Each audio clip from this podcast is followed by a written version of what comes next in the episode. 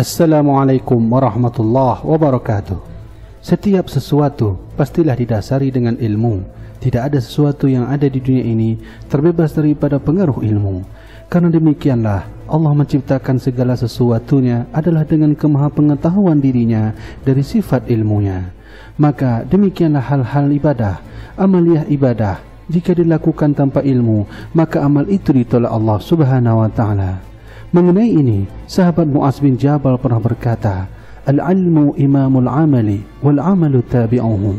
Ilmu adalah pemimpin amal dan amalan itu berada di belakang setelah adanya ilmu.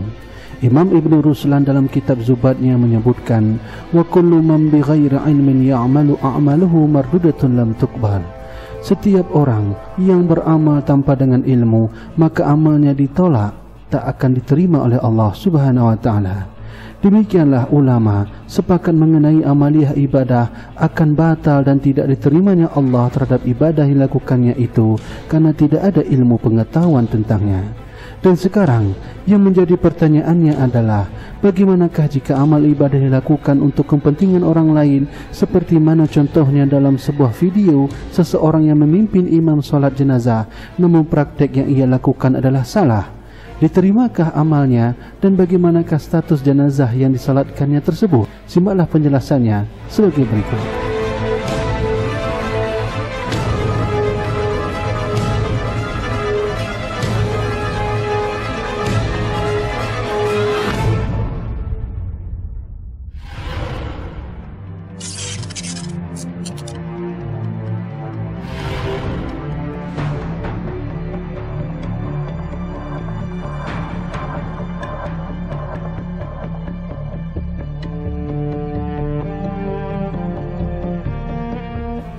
Dalam sebuah video yang tersebar baru-baru ini, terdapat beberapa petugas kesehatan melakukan tahyis mayit.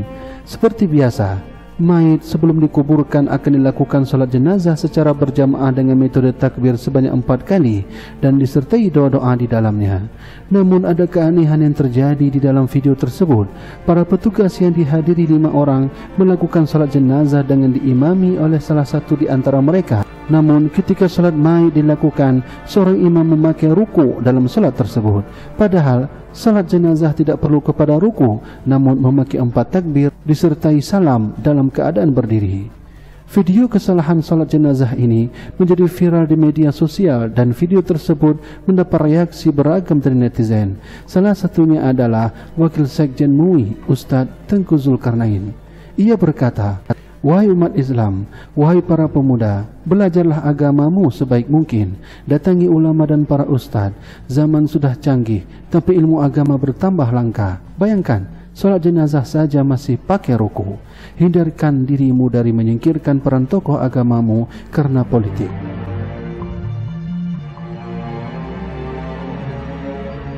Dan sekarang pertanyaannya adalah, bagaimanakah status salat jenazah dilakukan oleh seorang tersebut? Sebagaimana pada penjelasan di atas bahawa beramal tanpa ilmu maka amaliyah itu tolak Allah Subhanahu wa taala. Oleh karenanya, salat jenazah dilakukan dengan kesalahan tanpa diketahui pengetahuan mengenai salat jenazah tersebut, maka tidaklah sah dan tidak diterima Allah Subhanahu wa taala. Tentu hal semacam ini sangatlah disayangkan. Kesalahan dalam ibadah dalam bentuk apapun itu Jika dilakukan dengan tanpa ilmu sehingga terdapat kesalahan Akan berakibat fatal bagi kita semua. Apalagi amal yang dilakukan untuk orang lain Seperti salat jenazah Bukan hanya fatal pada seseorang yang melakukannya Bahkan juga fatal bagi amal yang dilakukan untuk yang bersangkutan Semoga kita semua beribadah sesuai dengan ilmu. Mari sama-sama kita belajar agama untuk kepentingan seluruh amal kita. Ilmu tidak terbatasi dengan umur.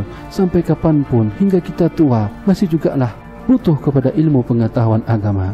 Semoga amal kita selalu terima Allah dan diridai olehnya. Wallahu a'lam bissawab. Wassalamualaikum warahmatullahi wabarakatuh.